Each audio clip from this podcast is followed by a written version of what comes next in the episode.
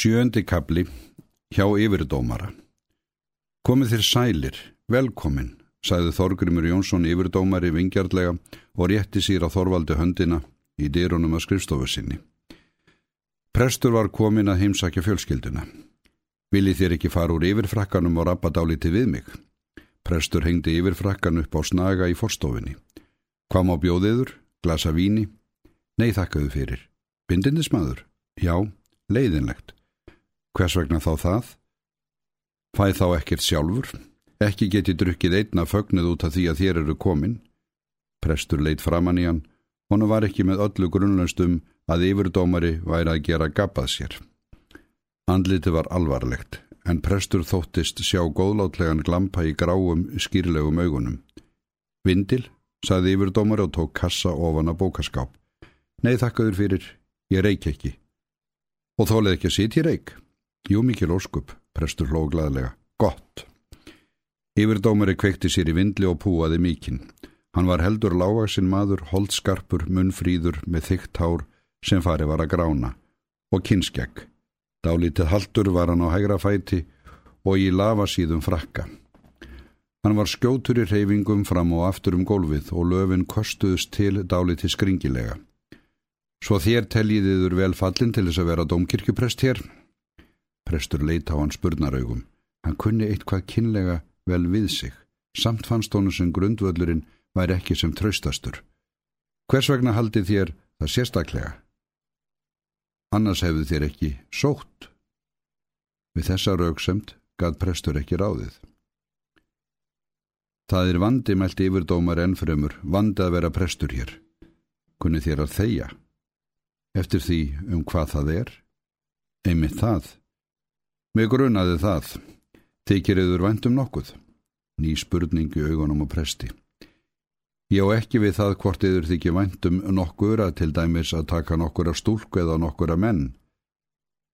Ég á við það hvort yfir þykir vendum nokkuð til dæmis, já, hvað ég á að taka til dæmis, nokkur mál. Prestur gæti ekki átt að segja húsræðanda gerði ekki nema þeia og horfa á hann. Ég á ekki svo mjög við stórmálinn eins og til dæmis að taka áburðardrýjindi og kinnbætur búpennings og erðafestu og hafnastæð og bæjarbryggjuna hér sem er eitt af okkar frægustu mannvirkjum og stórmáli af framt.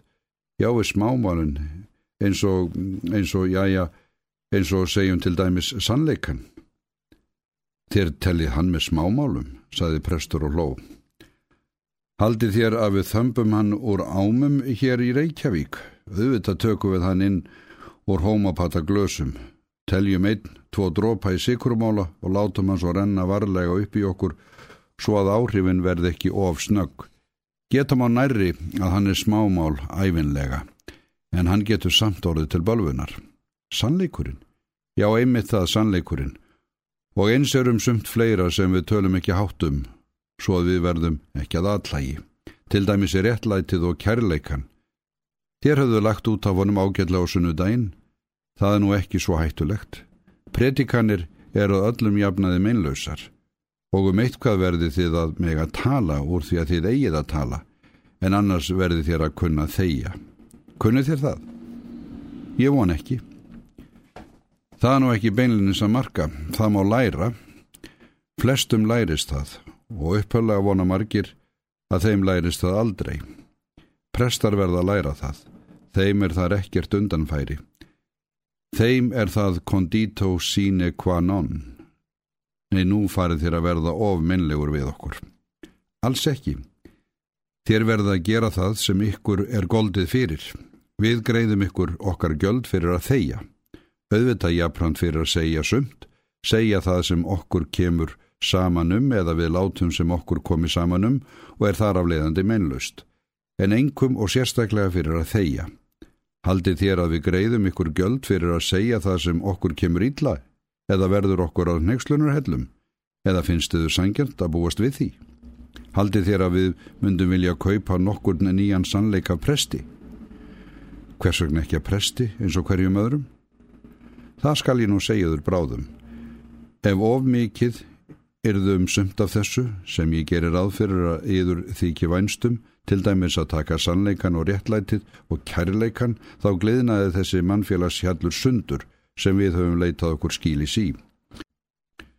Ég skal ekkert um það segja, hvort við kynnum ekki að koma upp einhverju nýju byrgi eftir á. Við hugsum ekki svo langt. Við reynum að halda við gamla byrginu. Til þessir kirkjan svo fyrirtags vel fallin. Hún er mesta íhaldsafl mannkinsins. Hún tekur enga skoðun gilda sem hún heldur að komi sér ítla. Hún horfir gegnum allar sannanir eins og þær væru ekki annað en loft. Þanga til, jábel allra skinnmynstu auðlabárðar eru farnir að sjá að sannanir eru sannanir og ekki loft. Þá segir kirkjan eitt góðan veðurdag, ekki haggar þetta við mér. Og eiginlega hef ég nú alltaf verið að segja þetta sama.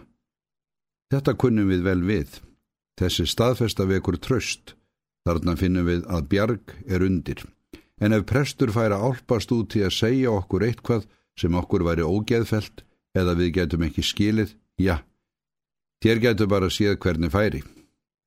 Þess vegna segi ég það, temjið þér yður vandlega að þeia ef yður er það ekki tamt.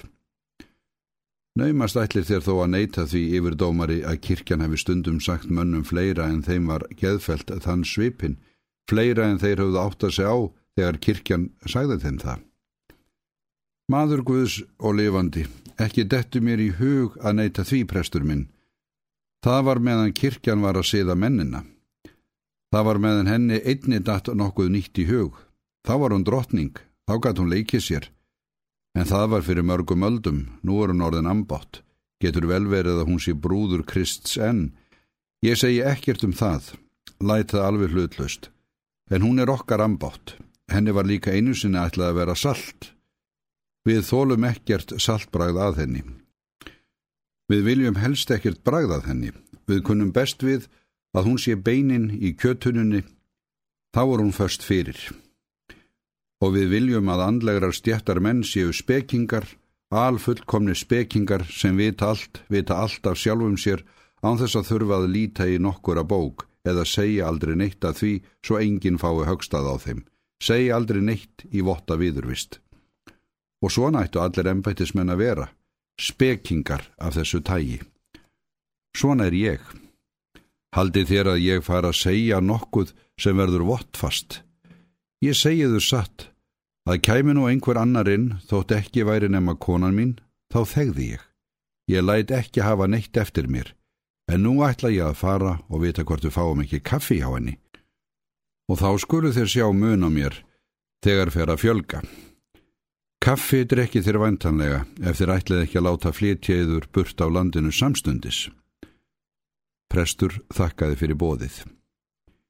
Yfirdómari hjælt af stað, höllum fæti og fór svo hart að frakkalöfun stóðu langt aftur af honum. Eftir örstuttastund kom hann aftur og vísaði prestunum inn í bestustofuna. Mæðgurnar stóðu þar og á borðinu var kaffi í silfurkönnu, bollapör og kaffibröð. Húsráðandi nefndi nöfnin og prestur heilsaði mæðgunum. Húsfreyja var lítil kona fölleit, nokkuð farin að hærast Hún hafði sínilega verið fríð sínum. Nú var hún komin reynslusvipur á andlitið en dökk augun voru furðu ungleg. Hérðan af þegi ég, sagði yfirdómari. Hér inni er mér ekki leift að tala. Hér stendur húsfreyjan við stýrið. Ég trúi því ekki að hún þegi. Hún heyrir til gamalli kvenn kynnslóð eins og þér sjáuð, kynnslóð sem talaði við alla. Unga kynnslóðin talar ekki við nokkur mann sem er orðin hálf þrítúur. Þér megið ekki látiður byllt við verða þó að maðurinn minn fái aðsvif, saði húsfreyja. Aðsvif, saði prestur. Já, af stríðni, þau eru ekki hættuleg. Þau settust við borðið öll og fór að drekka kaffið. Prestur hafði verið allsendis ókunnugur fjölskyldinu þegar hann var í skóla enda mjög líti kynst í bænum. Hann myndi hálft í kvoru að börnin hefðu verið fleiri og hann spurði frúna hvort svo hefði ekki verið með halvum huga samt af ótta við að íf upp einhver sár. Jú, ég á fjögur börn, svarað hún og leitt heldur gladlega framann í hann unglegum augunum. Nú var prestur örugur. Hann réða svarunu að þau væru öll á lífi. Eru hinn ekki heima sem stendur? Jú, all heima, veldi frúin, en ekki nema Ragnhildur heima hérna megin. Hún sagði þetta alveg blátt áfram eins og ekkert værum að vera, engin tilgerð og engin ákefði rómnum. Presti fannst hann hafa þekkt konuna alla sína æfi og aldrei verið annað en vinur hennar. Honum fannst ylur fara um sig allan við þá óbemanlegu sannfæringar vissu sem í svarinu var fólkin. Eða stafaði ylurinn að náist dótturinnar. Að minnstakosti var indislegt þarna að vera. Frúin spurði hann hvernig honum litist á sig í Reykjavík. Prestur hvaðs lítið hafa litastu menn vera öllu ókunnugur samt er ég komin í vandræðu þó að ekki sé lengra liðið. Frúin spurði hvað að honum amaði. Hann hvað kennar að vanta við barnaskólan í stað annars sem tekið hafði að sér kennslu í haust en ætlaði að láta af starfinu mjög bráðlega. Frúin spurði hvort enginn hefði bóðist. Jú, Áskrimur Bjarnason. Frúin hjælt að hann gæti þá ekki verið í miklum vandraðum, hefði fengið flug, gáfaðan og velmentaðan háskólamann, þér þekkið hann vist frá kaupmannafn. Lítið þaðan, en ég þekki hann hérðan. Ég hef lesið blöðum frá síðustu vikum. Þar hefur hann sagt margt ljótt. Svo þér setji þetta fyrir yður, meldi frúin. Það leini sér ekki að þér eru nýkomin frá öðrum löndum. Hér eru við orðin þessu svo samdöina að við tökum naumast eftir því. Já, ég set fyrir mig hrottaskapin og óþverran. Ég veit ekki hvort með íslenskum námsmönnum er minna af sannri mentun andans en að gáfum og fróðleik. En um þennan mann er ég ekki neinum vafa. Hann er gáfaður og fróður, en hann er ekki fallin til þess að móta barsálir. Það kann að sínast lítið að hleypa manna að tímakenslu í barnaskóla. Í mínum augum fylgir því eins mikil ábyrð eins og hverju öðru. Geti þeir vísa mér á nokkur annan? Nú kom vinnukona inn og sagði að frammi væri kona sem langaði til að tala við frúna. Húsfreyja stóð upp og fór fram í eldhús. Yfirdómari hafði steinþaga síðan hann settist niður. Fyrst hafði hann hort niður fyrir sig en þegar talið barst á barnaskólunum hafði hann farið að horfa á prest með skringilegu brosi og prestur gati ekki átt að segja á því hvort yfirdómari var eða hvort hann var ekki að spottast að honum. Nú ætla ég að fara inn til mér meldi yfirdómari og stóð upp. Ég tala hvort sem er ekki hér. Nú er best að þér komist að raunum, prestur minn, hvað skrafreifin og skemmtilegur er sá fulltrúi ungukynnslóðarinnar sem á heima hér í húsinu. Ég hefi talað við dótturriðar fyrir nú og hvart ekki, saði prestur. Gott, saði yfirdómari. Hann var lagður á staðinn í skrifstofu sína og lokaði hurðin á eftir sér. Ragnhildur horði á eftir föður sínum. Á svipnum var auðsið að henni þótti miður. Hún þægði ofur litla stund og tók því næstir máls. Þér megið ekki hugsaður hann pappa eftir því sem þér hafi séð af honum í dag. Hann er stríðin. Ég gerir aðfyrir að hann hafi ekkert annað gert en stríðæður meðan þið voru tveir einir þarna inni. Hann sínist vera kallendur, hann er allt annað innst inni. Hún þagnaði við. Presti fannst eins og hann að langaði til að segja eitthvað meira en að henni veitti það örðugt. Hann sagði ekkert en horð á hana. Hún tók aftur til máls. Sistkinn mín dói öll á einni viku. Þá lág pappi heila nótt á bæni í samfellu. Á mömmu lagði svo viðbótarbyrði að hugga hann og það var ekki létt verk. Hann er ekki kaldlindur, hann sér oft hlutina í skringiljósi, en ég held að ljós það sé æfinlega bjart og því eru æfinlega einhver hlýjendi samfara. Prestur kom engu orðu fyrir fögnuði. Þetta tröst hafði Ragnhildur á honum. Hann leit á hana, hún roðnaði. Nú kom húsfreyja inn. Ég hverfa því aftur sem við vorum að tala um. Hafið þér gertuðu grein fyrir hvað það er sem þér eru að leggja út í. Þér ætlaði að leggja kappa á að áskrimi Bjarnasinni verði sinjað um jafni lítilfjörlega stöðu eins og þá að verða kennari hérna við barnaskólan af því að hann á í íldeilum og sendir ókvæðisorð um heiðverða menn út um landið. Þér vitið að hann lætur ekki eiga hjá sér. Hittir yfir eftir vill ekki jafn kunnugt um að orðleikur á því að hann riti greinar sínar flestar fyrir tilstillið Þorbjarnar Ólafssonar Kaupmanns og Þorbjörn ræður sennilega meiru hér í bænum en nokkur einn maður annar. Og áskrímur á mikilsmegnandi venslamenn og enn fleiri kunningja. Þér kveiki mikið bál með þessum litla neista. Þér verði hataður, þér verði rægður og þér verði svívirtur. Finnstu þau svo mikilsvert um þetta mál að út í allt þetta sé leggjandi. Hugsi þér yfir nú vandlega um. Ég hefi hugsað um það. Ég þarf ekki að hugsa um það meira. Mér þykir svo mikils um það verðt. Ragnhildur leita á hann um leið og hann sagði þetta. Hvernig var þessi hardneskja komin í svipin? Hann sem nokkur um augnablikum áður hafði verið svo, svo, já hvernig, verið svo að hún gati ekki annað en sagt honum það sem hún hafði sagt. Nú var hún orðin hrætt. Við hvað? Jæja, saði frúin, þið farið að sjálfsögðu eftir því sem þér áliti rétt vera. Mér dettur í hug Sigriður vinkona Ragnhildar minnar. Þú ættir að fara að finna hana, Ragnhildur, og ef henni líst á þetta væri best að hún fyndi prestinn. Þá geti þér sér að Þorvaldur reynt hana og gert það ráðstafanir sem yður þykir við eiga. Þetta var það samningum. Prestu stóð upp og kvatti. Munið þér hvað ég sagði um smámálinn, prestur minn, sagði yfirdómari þegar hann var að kveðja prest í forstofunni. Og munið þér hvað ég sagði um að þeia. Hamingen má vita hvort yður hefur ekki skjáttlast þegar þér komust á þá skoðun að þér væru sérstaklega vel fallin til að vera domkirkjuprestur. Verið þér nú sælir. Það verður þá að hafa það, saði prestur og hló. Verið þið sælir. En Ragnhildur fór inn í herbergi sitt. Hvers vegna hafði hún sagt honum þetta? Sagt honum það alveg upp úr þurru, alveg ótil neitt. Hvers vegna hafði hún sagt honum það trúnaðarmálið sem föður hennar var sjálfsagt sárast um?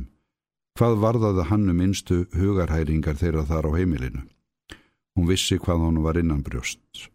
Engin slæðingur af Eva um það. Hún vissi það í gær. Og enn betur viss hún það í dag. Hafði hann þá nokkuð sagt við hana í þá átt? Nei, þess þurft ekki. Hún hefði ekki vita það neitt betur fyrir það, þó hann hefði skrifað henni bref eða fallið og knið frammi fyrir henni eða kvíslað ástamáli eira henni ekki minnstu vitun betur. Og samt hafði hún sagt honum þetta, auðvitað af því að hún vissi þetta, auðvitað af því að nú stóð henni á samum allt og alla í veröldinni nema hann. Nei, nei, nei. Hún hafði of oft lofa sér því að hún skildi aldrei glata sjálfur sér, að hún skildi aldrei ganga nokkur um karlmann á hönd með þeim hætti að hennar eðlisfar og hennar skoðanir og hennar vilji yrðað engu. Hún ætlaði ekki að fara að svíkja það. Hún vissi um vinkonur sína sem gifst hafðu, þær hafðu ekki allar þagað. Og hér var ekki nefnum tvent að velja, annað hvort hann eða sjálfa sig, ekki hvort tvekja. Hvaða sannanir hafði hún þess? Hún fann það, hún sá það, hún vissi það. Hún sá það rétt áðan, eins og hún sæði það ekki að með öllum rauksöndum, öllum blíðu allótum, öllum hugsanlegum mannlegum öllum hefði verið ókleft að fá hann til þess að hverfa frá því ráði sem hann hafði tekið. Já, en hún hafði verið honum alveg sammála. Maðurinn hafði haft alveg rétt að mæla. Hún hefði þó ekki vilja láta hann hverfa frá réttu máli. Eins og hann hefði ekki verið alveg eins þó að hún hefði verið honum ósamdóma. Þó að hann hefði verið að fara með það sem ránt var og var ekki óhætt að ganga því vísu að hún erði honum einhver tíma ósamdóma. Geta má næri. Og það var veruleg bót í máli þó að svo fjärstaða væri hugsanleg að þau erðu aldrei ósamdóma. Var ekki meðvindundin einum það að það hefði engin áhrif þó að þau væri ósamdóma næg til þess að girða fyrir ánæginu. Og lífið fannst henn ekki lengur leiðinlegt eins og henni hefði lengstum fundist. Nú var hún hrætt við það. Hún var hrætt við sjálfa sig og hrætt við hann og hrætt við allt. Hún fann að ráðríkið og ofbeldishugurinn er runnin saman við allt það sem best er í sálu mannana, en engum í hennar eigin sál.